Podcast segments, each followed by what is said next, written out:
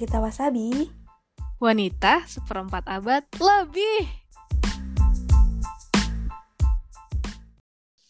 Halo Sobat Wasabi, sobi-sobi yang ada di mana pun berada, berjumpa lagi dengan kita berdua, Andini dan Betul. Dan Meria. Damai. Ya, setelah sempat vakum beberapa lama karena Betul. Karena lebaran loh, minal aizin dulu Iya. lah. Minal aizin wal faizin ya, sobi-sobi. Mohon maaf lahir dan Mohon maaf lahir dan batin. Semoga kita bisa bertemu dengan bulan Ramadan berikutnya ya. Amin, amin, amin. Amin. Dan juga karena Tomcat makanya kita sempet sempet vakum. Tomcat, Tomcat sialun. Omset. Di episode ini daripada lama-lama ya kita langsung masuk kepada cerita wasabi. Kemarin kan gue udah cerita nih Din tentang eh, quarter life crisis gue pada masa itu. Dan sekarang gue mau cerita, eh mau cerita, mau tahu cerita tentang Andini quarter life crisisnya apa sih? Adakah? Sebenarnya berat banget gue buat cerita ini sih, Me. Kayak em, ya maksudnya ini kan adalah masa kelam kita ya. Jadi kalau gue buat buat mikir apa buat eh, ceritain lagi tuh kan gue harus flashback lagi gitu kan harus ingat-ingat lagi gitu. Maksudnya sulit gitu me untuk untuk melakukan itu tuh menurut gue. Makanya gue sebenarnya agak males sih ada di episode ini. gitu karena gue harus ingat-ingat lagi masa-masa itu. Jadi memang gue masih mengalaminya sih me. apa sih faktor-faktor yang membuat lu kayak kayaknya berat banget gitu ini untuk diceritakan ataupun diingat apalagi gitu.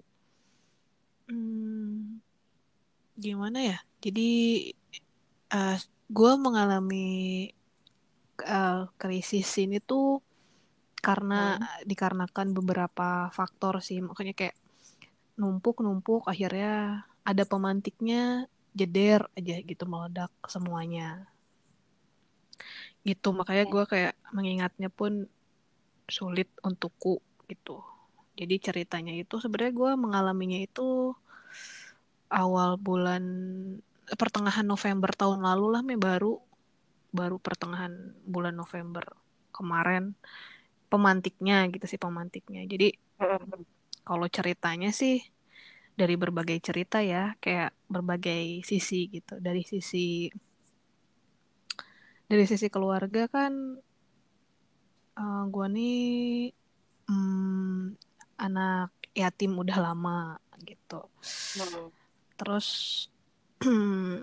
gua sekarang adalah tulang punggung keluarga gitu ketika gue sudah bisa bekerja. Itu kan juga mm, jadi eh, gejolak dalam batin gue karena punya beban dan tanggung jawab tersendiri ya. Jadi ya di- jadi masalah tersendiri lah buat gue gitu. Terus kalau dari sisi pertemanan sih ya kayak teman-teman kita kan udah udah pada punya prioritas masing-masing ya, Me. Kayak pun udah menikah, udah punya anak, prioritas prioritas mereka kan sudah keluarga gitu. Jadi gue kayak ya nggak punya teman aja gitu, Me. Gak ada teman, susah untuk mm, bisa eh, keluar bareng teman gitu. Kayak gue kesepian aja gitu, nggak ada teman-teman gue. Mereka ada, cuman ya nggak bisa memprioritaskan gue lagi aja gitu, nggak bisa memprioritaskan teman-temannya lagi. Jadi gue kayak ngerasa kesepian banget. Eh, itu kan dari sisi pertemanan. Kalau Hmm. dari sisi eh, dari sisi selanjutnya dari sisi pekerjaan kan hidup kita banyak dihabiskan hari-hari kita nih sekarang banyak dihabiskan di tempat kerja ya umur Mhm. segini yang sudah bekerja gitu. Itu juga jadi masalah buat gua. Masalahnya kenapa? Karena gua sekitar setahun lebih ini dipindah tempat kerjanya, wilayah kerjanya. Tapi dipindahnya tuh karena akibat ulah orang lain gitu. Jadi gue ditukar gitu Me, akibat orang lain. Nah ini kan juga kayak jadi gejolak sendiri juga gitu buat gue Me. Kayak ah gara-gara orang gua nih yang kena gitu gara-gara orang kenapa gua nih jadinya yang kena gitu kan itu juga jadi kayak gejolak tambahan apa ya tambahan masalah lah di hidup gua gitu. Okay. terus yang yang gue sesalkan itu adalah gue pindah ke tempat yang gak jauh lebih baik gitu. Jauh gitu. Uh, bukan jauh masalah uh, apa tempat juga sih tapi kalau di tempat yang lama area yang lama tuh gue dapet gitu me sisi kekeluargaan. Gue kan kayak di Jakarta nih sendiri me bener-bener sendiri ya. Maksudnya yeah. keluarga gue ada cuman ya jauh-jauh gitu nggak deket gitu. Maksudnya jauh jaraknya gitu. Iya ya terus? Terus ya gue kayak nggak punya siapa-siapa kan di sini.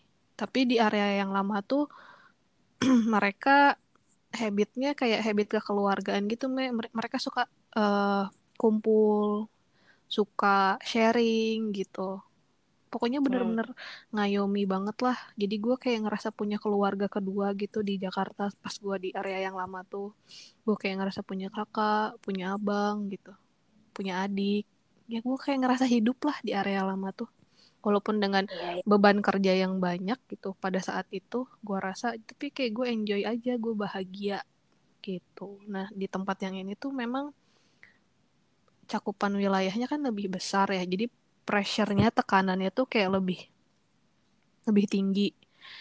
Jadi uh, itu juga kan nambah beban juga ya salah satunya. Terus habit orang-orangnya tuh memang bukan buat berkekeluargaan gitu me. Tapi kayak ya udah kerja kerja kerja. Gue di sini cuma kerja kita cuma sebatas teman kerja. Udah gitu doang nggak ada lebih. Jadi kayak gue nggak mendapatkan apa yang gue butuhkan di sini. Terus kalau di area ini tuh gue susah aja berkomunikasi sama orang-orangnya. Gue nggak ngerti deh kan habit tiap tempat kerja beda ya. Gue kayak yeah, yeah. gak nyambung aja gitu ada di sini tuh. Gue nggak nyambung sama orang-orangnya. Gue kayak terasingkan sendiri lah me. Padahal gue udah hmm. setahun lebih di sini dan gue tipe orang yang harusnya mudah beradaptasi cuman kok kayaknya yeah, sini gue sulit banget gitu nggak dapet gitu gue nggak bisa tahu oh, celahnya oh. gitu.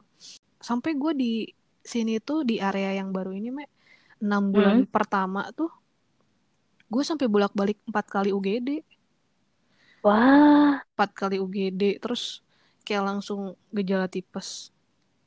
Padahal gue nih tipe yang jarang ah, jarang sakit sih sebenarnya. Cuman nggak tahu ya gue juga nggak ngerti apakah itu faktor stres apa faktor memang gue nggak bener makannya apa gimana adaptasi. Tapi mm -hmm. tiap gue ke UGD itu ya karena masalah pencernaan. Mah kronis gue kambuh gitu. Tapi ya pernah juga gara-gara ya jadi segitunya gitu me lu tau lah gue antibody gue yeah, iya, mungkin yeah, yeah, yeah, yeah, karena gue gendut juga ya antibody gue kayak, kayak lebih lebih harusnya lebih kuat. Cuman nggak tahu faktor stres atau apa gitu. Sampai emak gue tuh kayak ini kosannya deh kayaknya deh gitu. Sampai kayak gitu. Padahal kayak ya bukan juga sih kayaknya. Memang guanya aja gitu yang nggak fit gitu. Itu seset sesetres itu gue ada di area ini seenggak betah itu gitu. Gue agak ada di wilayah ini gitu Nah, terus pemantiknya, pemantiknya, pemicunya itu adalah di bulan November ya tanggal 18 itu tuh gue uh, udahan masalah love life-nya udahan sama seseorang di sana gitu. Gue baru apa ya baru udahan lah sama ada orang gitu dan itu bener-bener menurut gue sih kayak karena gue gue pikir gue adalah bucin ya. Jadi ketika yeah. gue jatuh cinta ya gue seneng mood gue bagus banget gitu. Tapi ketika gue patah hati tuh ya mood gue bisa ancur-ancuran banget gitu. Dan ya ini buat seseorang yang ada di sana kalau mendengar podcast ini ya um, ya lo menyumbang uh, menyumbang alasan terbesar gue ada di krisis hidup gue gitu. Maksudnya ya gue juga sama dia tuh akhir-akhir itu sering berantem gitu loh me.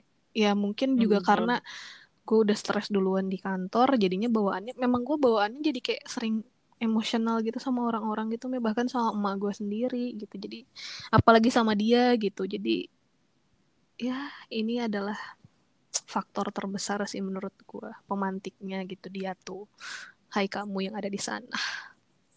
Gitu. Ya ya ya ya ya ya berat banget gue buat cerita nih. Terus uh, kalau lu kan tipe uh, krisisnya tuh kayak masalah lu belum bekerja kan ya dulu ya. Mm. Kalau gue tipe krisisnya sampai gue bertanya-tanya gitu me ke diri gue, ke alam semesta, ke semuanya tuh kayak buat apa sih gue hidup? Tujuannya buat apa sih gue hidup? Apa gunanya sih gue tuh dikasih kehidupan gitu? Kayak gue mikir ya keluarga gue tanpa gue ada pun mereka tetap hidup kok dulu gitu rezeki mah ada tetap ada gitu jadi ya mau ng ngapain ada gue gitu gue jauh juga dari mereka gue tidak bisa menikmati quality time sama mereka juga gitu. Kalau masalah pertemanan juga ya teman-teman gue juga nggak ada. Gue kayak fine fine aja udah punya prioritas masing-masing udah punya keluarga masing-masing gitu. Kalau dulu kan kumpul dong nggak seru nih gitu kalau nggak lengkap gitu atau gimana. Ya sekarang kayak ya udah gitu. Mereka punya kehidupan masing-masing juga. Masalah kerjaan juga ya kantor gue juga tetap berjalan kok tanpa ada gue gitu area gue yang sekarang juga orang-orangnya juga enjoy enjoy aja kok sama lingkungan yang emang gak enak itu gitu. Ya guanya mm-hmm. aja yang beda habitnya makanya gua nggak nyaman di situ kan gitu. Buat apa ya. juga gitu kan gue mikirnya. Hmm. buat apa juga gue ada. lu kan memikirkan quarter life crisis itu kenapa uh, lu memikirkan kenapa sih? Kan padahal aman-aman aja segalanya tanpa lu ada gitu kan? Mm dan lu tadi bercerita tentang beberapa faktor yang mempengaruhi lu memiliki quarter life crisis mm emang dampak apa sih yang terjadi sama faktor-faktor itu sampai lu berpikiran itu gitu? Iya, jadi ketika gue mengalami si quarter life crisis ini, pada saat itu tuh gue sampai ada di titik di mana gue nih menjadi bukan diri gue sendiri, me. Gue rasa kayak ini Maksudnya? bukan gue gitu. Kayak bukan gue ih gitu. Kayak contohnya gue lebih emosional. Terus ya tadi gue sebutin gue lebih emosional. Emosionalnya tuh bukan gampang marah enggak. Tapi gampang merasakan gampang berubah mood gitu. Swing swing banget moodnya. Bisa berubah dalam satu detik gitu. Contohnya kayak gue uh, gue kan uh, jadi selama gue apa namanya mengalami si lifetime crisis ini gue terus mikir kan me sampai gue akhirnya gak tidur me. Oh, gue tuh bener nggak nggak tidur. Gue baru bisa tidur tuh setelah subuh. Setelah sholat subuh gue baru bisa enak buat tidur. Tapi kan nggak lama harus kerja juga gitu setelah dan itu pun tidur yang tidak nyenyak gitu ya jadi kayak mm -mm. gak enak. Oke. Okay. mm -mm. jadi gue terus mikir mikir dan dan nggak tidurnya tuh bukan karena nonton drakor atau karena nonton Netflix gitu. Enggak karena memang gue mikir gitu buat apa sih gue hidup buat apa nah itu kan barang elektronik misalkan kalau dipakai terus ter terus menerus tanpa ada uh, maintenance gitu kan bakal konslet ya Mea. Ya? Hmm. Nah, gue tuh ngerasa mungkin gue konslet jadi bukan diri gue sendiri karena sering dipakai buat mikir-mikir capek. Eh, emang dikira nggak tidur tuh nggak capek? Capek. Hmm. Kayak pengen tidur tapi lo nggak bisa tidur karena mikir. Gue gue berusaha nggak mikir juga nggak bisa pasti mikir gitu. Benar, itu capek banget me. Nah itu mungkin membuat gue jadi konslet. Konsletnya itu jadi bukan diri gue sendiri yang tadi emosional. Terus gue kan tipe orang yang ya ngalor ngidur bercandaan gitu loh. Jadi kayak orang iya. orang ngomong apa ya gue bercandain juga gitu. Nggak nggak gue pikirin gitu. Nah pada saat itu tuh gue kayak terlalu memikirkan jadinya mood swing gitu. Kayak contohnya gue untuk menaikkan men mengupkan mood gue setelah nggak tidur itu kan gue kayak ngedengerin lagu yang bikin mood gue naik gitu ya me yang bikin gue seneng mm. gitu. Sampai teriak-teriak gitu di jalan naik motor. Nah pas gue nyampe kantor tuh kayak ada ada bapak-bapak yang ngomong kayak alah Ludin pagi-pagi udah nyanyi-nyanyi aja kayak gitu kayak baru dapat apa aja nyanyi-nyanyi Mm-mm. kan ya harusnya biasanya gue kayak ngebecandain lagi gitu ya. Ini enggak malah kayak ngerubah mood gue aja seharian. Gue bahkan bisa nggak ngomong sama bapak-bapak itu seharian itu gitu. Gue bisa sampai segitunya. Dan gue tuh bisa sampai gue lagi kerja nih misalkan. Iya. dalam waktu seminggu lebih lah. Lagi kerja tiba-tiba gue pengen nangis gue nangis. Gue nangis aja di kamar mandi Di kantor. seminggu iya di kantor seminggu gue kayak gitu gak berhenti Oh, iya.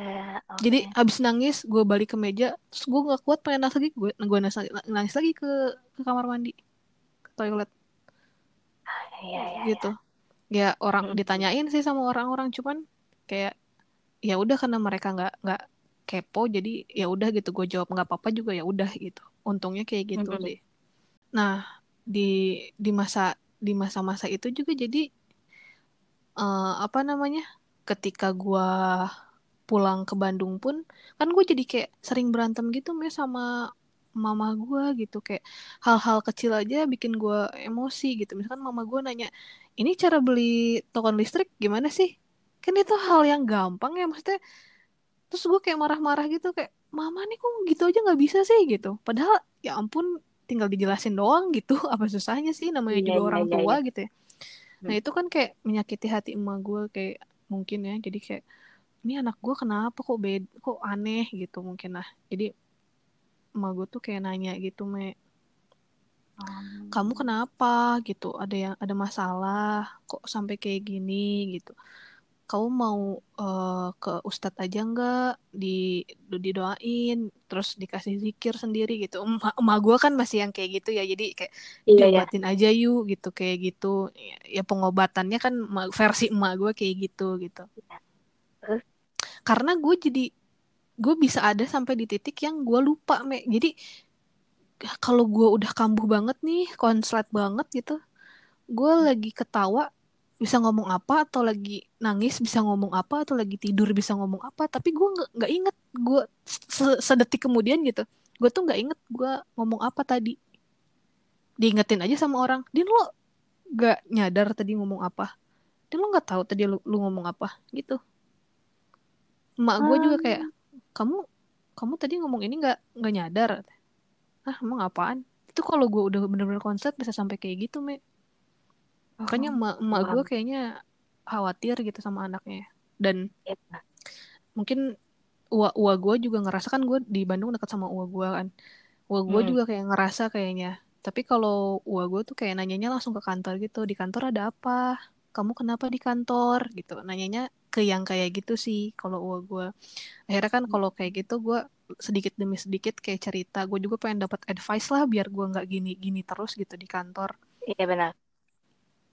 Ya akhirnya gue cerita dikit-dikit terus kayak wah eh, jangan kayak gitu gitu gitulah pokoknya keluarga gue tuh udah mulai khawatir sama gue cuman gue kayak tidak menggubris itu semua kayak ah lebay banget sih udahlah gitu Bentar. Tapi lu yang ceritakan cuma tentang seputar kantor gitu, nggak cerita tentang cinta teman, keluarga. enggak enggak karena gue gue bukan tipe yang kayak gitu sih. Cuman ketika gue cerita sama keluarga gue tuh gue bisa sampai nangis. Dan gue tuh kan tipe orang yang kalau di depan keluarga tuh jarang nangis ya. Mencoba untuk Mm-mm. terlihat kuat gitu. Tapi gue bisa sampai nangis dan itu yang bikin mereka tuh kayak emak gue tuh kayak kamu sedih? Dan mamah lihat kamu sedih tuh bahkan lebih sedih dari yang kamu kamu Iya. rasain. Mama tuh lebih Iya, iya. terluka gitu kata dia tuh. Wah gue kan kayak oh iya ya gitu mereka udah mulai khawatir banget sih. Tapi gue kayak ah udahlah udahlah udahlah gitu. Nggak nggak gue pikirin lebih kan. Tapi lama kelamaan gue capek me. Kayak gue nggak tidur tuh gue bener-bener capek beneran. Yang gue rasain adalah gue bener-bener capek. Akhirnya gue memutuskan untuk ah kayaknya gue harus tinggal sama orang nih maksudnya ikut apa ya numpang dulu Ikut deh sama suami. orang gitu pengen sih. Cuman ya? gimana ya? Gue akhirnya memutuskan untuk ikut di ikut apa namanya numpang di kosannya Piti teman kita Nur Fitriani. Nur Fitriani Inayah. Hai Piti. gue akhirnya eh, ikut numpang di kosannya dia yang ini agak lucu sih. Dia di di Jakarta Selatan. Gue kerja di Jakarta Barat perbatasan dengan Tangerang. Itu tuh kan jauh jauh banget ya.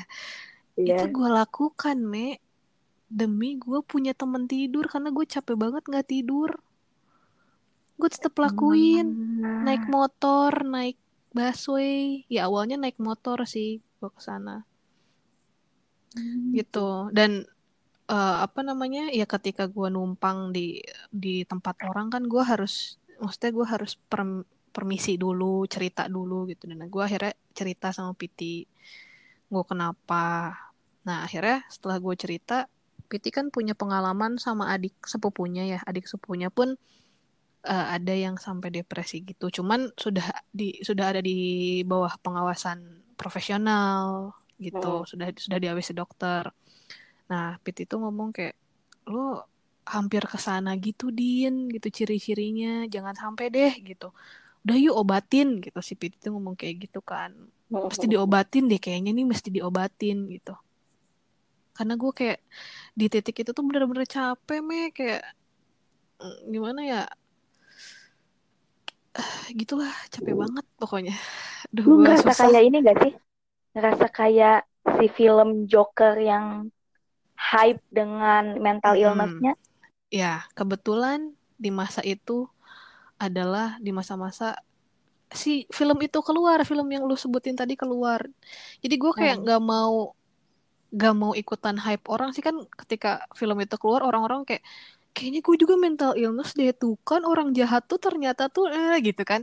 Gue Iya, nggak iya, mau iya. termasuk orang-orang itu. Jadi gue kayak tapi tuh waktunya pas banget. Jadi kayak ah gue kayaknya terlalu lebay deh untuk disebut eh, sampai hampir depresi apa gimana itu mah cuman perasaan gue gue malu takut itu banyaklah perasaan berkecambuk gitu. Cuman ya itu yang gue rasain gitu. Eh apa namanya si Pit itu sampai yuk obatin yuk obatin jangan sampai gitu jangan sampai kayak gitu. Kan udah maksudnya udah dua pihak nih yang ngomong walaupun dengan cara yang berbeda gitu ya mengobatinya. Iya, iya.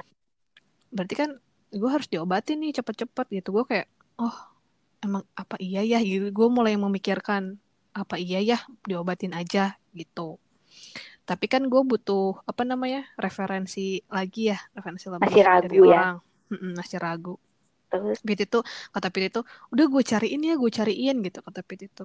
Iya iya gitu. Nah selama itu tuh gue cerita juga sama temen gue teman kantor gue ada teman kantor lama gue namanya Mbak Eva.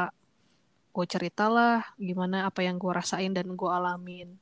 Dan ternyata solusi dari Mbak Eva pun sama. Obatin din jangan dibiarin gitu. Kan kalau dibiarin ya jadi nggak bener gitu. Loh makin jadi nggak bener gitu. Kan gue jadi kayak oh berarti emang bener kali ya harus diobatin. Oh berarti gue tuh nggak lebay kali ya yang kayak gini harus diobatin. Terus kata Mbak Eva tuh "Kok udah obatin. Sampai dia tuh kayak udah nih gue pesenin gue bayarin dulu. Udah udah lu lu udah sana gitu.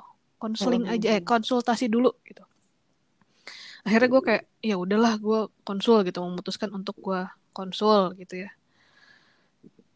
Eh, akhirnya gue konsul tapi gue tuh apa ya me tidak sesuai dengan ekspektasi gue gitu pas gue konsul tuh gue kan ekspektasi gue konsul dengan orang yang lebih senior dari kita jadi eh, sudah pengalamannya juga udah banyak nanganin pasien kan maksudnya gitu. Iya, terus mm, banyak advice-nya gitu. iya gitu tapi ternyata yang konsultasi eh apa eh, orang yang gua konsultasiin tuh ternyata ah, masih muda gitu seumuran kita tahu Hmm. lebih deh nah, terus kayak gue tidak mendapatkan advice apa pun jadi solusinya tuh kayak ya udah mbak mbak eh, jangan jangan ke bawah arus. Mbak harus tetap menjadi diri sendiri yang hijau supaya eh, lingkungan mbak yang gersang ini menjadi hijau juga gitu. Ya dalam hati gue kayak iya memang itu sih yang harus dilakukan. Cuman kayak gimana sih caranya tetap hijau di di antara gersang tuh gitu gue pengen tahu advice itunya kan gitu Iya, maksudnya iya, iya. kan gue baca-baca atau gue tahu dari orang gitu kan salah satu eh, me- apa medianya itu adalah menulis misalkan Mm-mm. menulis di buku semua emosi gitu atau enggak meditasi kan salah salah satu medianya cuman dia tuh kayak nggak menyarankan apa pun cuman menyarankan gitu dong kan gue gue jadi iya iya sih bener juga gitu ya. Jadi gitu. Tapi itu tertanam lah dalam diri gue kayak ya udahlah gitu. Memang gue harus seperti itu. Dan untungnya di saat itu tuh gue udah agak lebih baikan me dari sebelumnya. Karena Hmm. gue tadi mungkin udah udah di udah nginep di uh, kosannya Piti kali ya. Jadi gue kayak udah ada temen tidur udah ada temen curhat. Jadi gue tidur pun jadi lebih cepat walaupun nggak yang cepet-cepet banget walaupun Piti udah duluan tidur misalkan kadang jadi kayak ya tetap terobati gitu nggak nggak separah waktu gue sendiri di ya pokoknya kalau lu melihat gue pada saat itu me bener-bener kayak acak-acakan banget aja lah gitu me. Kayak orang beneran nggak ada semangat buat hidup gitu loh. Hidup segan mati tak mau ya. Iya bahkan pas ada pas di saat itu tuh gue sampai kepikiran untuk udahan aja gitu mah hidup tuh. Gue sampai Maksudnya? kepikiran Iya sampai kepikiran ah ya udah ngapain gue hidup udah aja lah nggak usah hidup gitu. Ini bukan Ah, lebay bukan lebay atau mengada-ada atau gimana ya. Tapi memang bener gue ada di masa itu. Bener kayak karena gue mempertanyakan arti hidup, Iya, iya, iya, gue iya. gue jadi kayak ya udah nggak ada gue juga nggak apa-apa ya udah ngapain gue hidup toh gue Ka- hidup juga nggak nggak membantu orang nggak maksudnya nggak gimana ya nggak Ya, karena orang lu mikirnya eh, apa yang tadi semuanya kan berjalan aman tanpa lu gitu. Jadi lu mau iya berpikir untuk mengakhiri. Oh, ya iya sampai kayak gitu ampun. Hmm, tapi ya udah mulai terbantu tuh gara-gara ada PT kan gue tidur Hmm. enak gitu gue diajak olahraga sama dia gue diajak cekakak cekikik gitu itu bener-bener obat lah gitu sebenarnya si PT itu. Iya. nah terus gue terus-terusan mi tuh di kosannya si Piti terus-terusan bolak-balik Jaksel Jakbar kan. Yang Ah, tadinya gue berani bawa motor sendiri sampai nggak berani bukan nggak berani nggak berani takut. Kenapa? Tapi gue takut gue mel karena gue sering meleng Me, di di di jalan tuh. Sering meleng tiba-tiba nggak inget ngelamun gitu. Jadi gue takut takut aja bawa motor. Dan kata Piti udah din jangan bawa motor dulu. Karena iya, dia juga iya. tahu sih. Jadi gue tuh bisa sampai nangis di motor sejalan-jalan dari dari kantor ke kosan Piti atau di busway pun gue nangis. Yang banyak orang lagi keimpit ketek orang ya gue lagi sambil nangis gitu.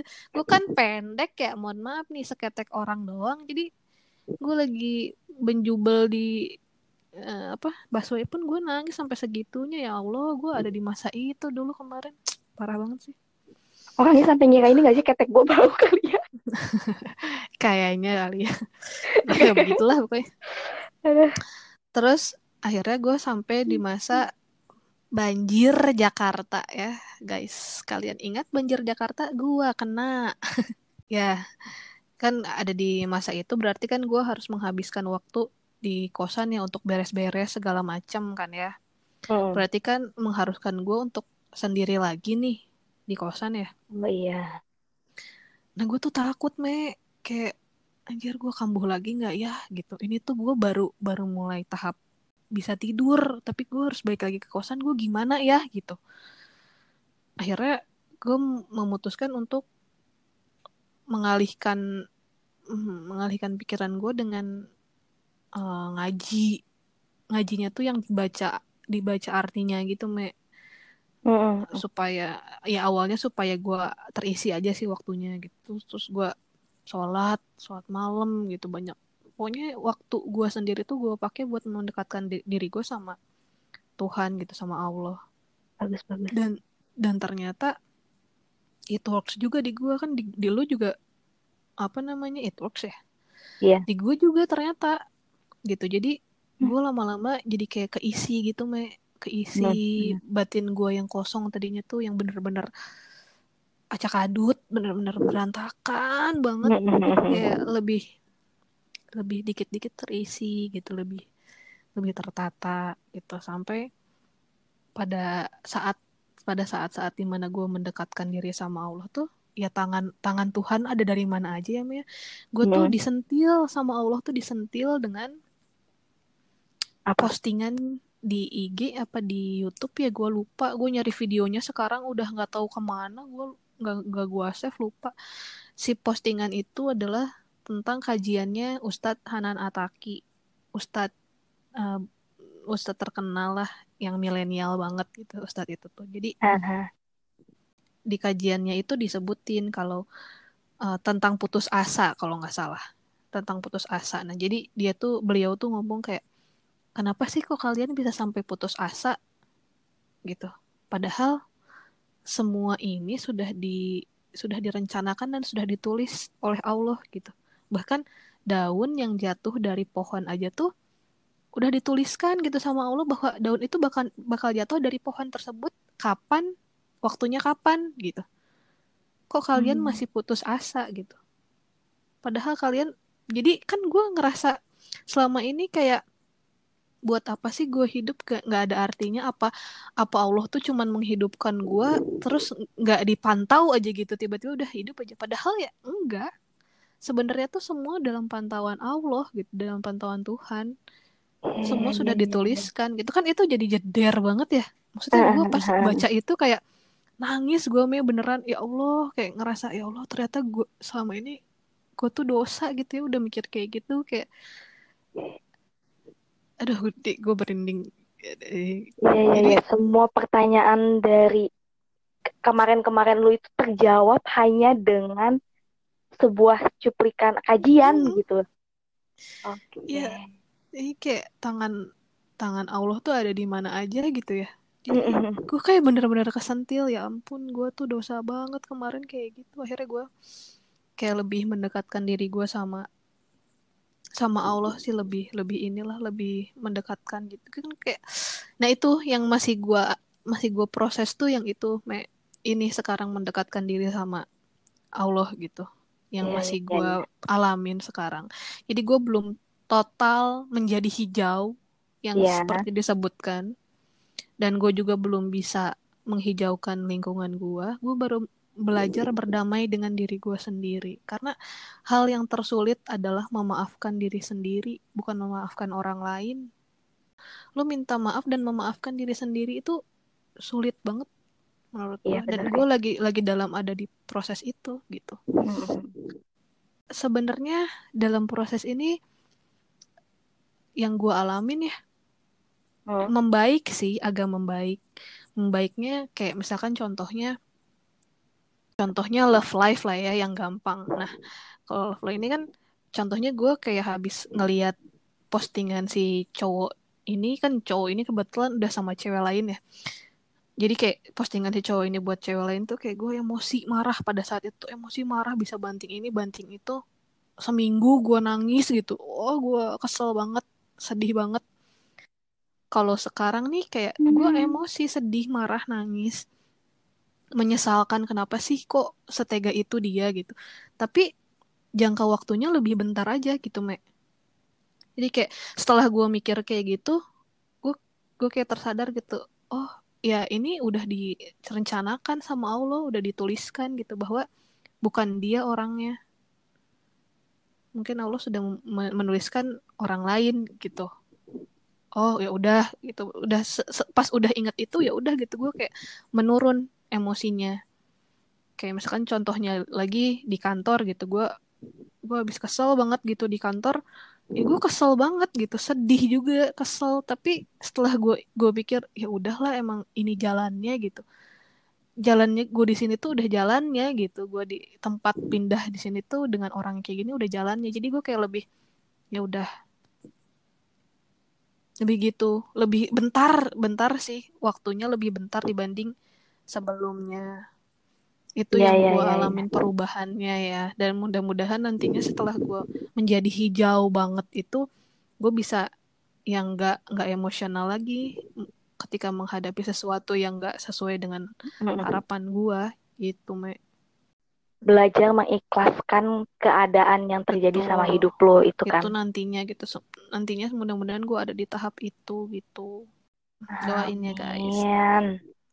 Jadi gue pengen ngasih Semangat, informasi semangat, aja sih me buat sobi-sobi yang mungkin mengalami Apa? uh, tahapan yang sama atau krisis yang sama sama gue ya kalian jangan gue belajarnya adalah bat- tiap batasan tiap orang tuh kan berbeda ya me batasan lu batasan gue tuh berbeda dan yang Iya. tahu batasan kita masing-masing tuh ya diri kita sendiri gitu kan jadi ketika kalian udah ada di benar. udah mau hampir di luar batasan kalian gitu kalian udah nggak bisa handle lagi ya cari orang untuk ngobrol atau cari profesional gitu buat nanganin lu gitu. Jangan dibiarin karena jangan dibiarin takut kayak gua malu gitu apa gimana. Karena memang mental illness tuh beneran ada bukan bukan diada-adain memang beneran ada gitu. Walaupun berat ya untuk ceritainnya tuh kayak gua sekarang ini berat banget gitu. Karena harus flashback karena harus nginget-nginget Ah, lagi kejadiannya. Tapi ya harus diobati. Jangan enggak guys. Beneran jangan dibiarin. Segala penyakit Mm-mm. apa pun harus ya kita obatnya obatin medianya beda-beda mungkin ya. Ada yang ada yang apa ada yang apa. Iya. cuman harus tetap diobatin. Jangan dibiarin. Hmm. Benar setuju setuju. Ya karena Betul, kita nggak tahu betul. juga sih Yang mana walaupun eh, pepatah atau apa yang bilang Tuhan tidak akan mencobai umatnya melebihi Mm-mm. kemampuan umatnya gitu kan ya. Tapi jangan sampai mencoba dengan kemampuan sendiri, Mm-mm. ya kan? Setidaknya kita datang ke Tuhan yang tadi lu bilang mencoba untuk cari obatnya itu Ya, sih. salah satunya juga mendekatkan diri sama Tuhan sih. Maksudnya itu harus di- dicoba yang pertama kali gitu. Maksudnya solusi pertama yang mendekatkan diri sama Hmm. Tuhan gitu. Ya ini bukan bukan ria atau sok-sok agamis gimana enggak, cuman memang cobain aja deh guys ketika kalian punya masalah terus terus mendekatkan diri sama Tuhan aja. Mungkin jawabannya ada di situ kayak gua tadi kesentil. ya, ya, ya, ya. Gue kayak berat juga ya dengan cerita lu kayak "Ih, gila lu Din.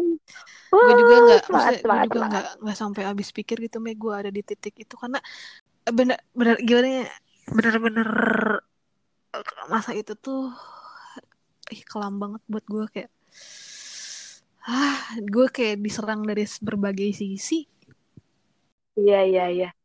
Gue tinggal menunggu cerita lu menyelesaikan. Gue sudah selesai, gue sudah tahu, gue sudah melupakan, Mm-mm. gue sudah mengikhlaskan, berdamai dengan ini. Gue hanya ingin cerita lu itu nanti. Oke, Oke. guys, kayaknya udahan ya cerita dari gue udah panjang juga. Eh, nanti bakal ada Hmm. cerita seru lainnya ya, Me ya. Yang bakal kita eh, yang bakal kita Ya, ceritain dari orang-orang lain. Oke, paling udah itu aja. Eh, mau pamit, Oke. Andini pamit. Dan Melia Sampai pamit. ketemu di episode selanjutnya. Dadah.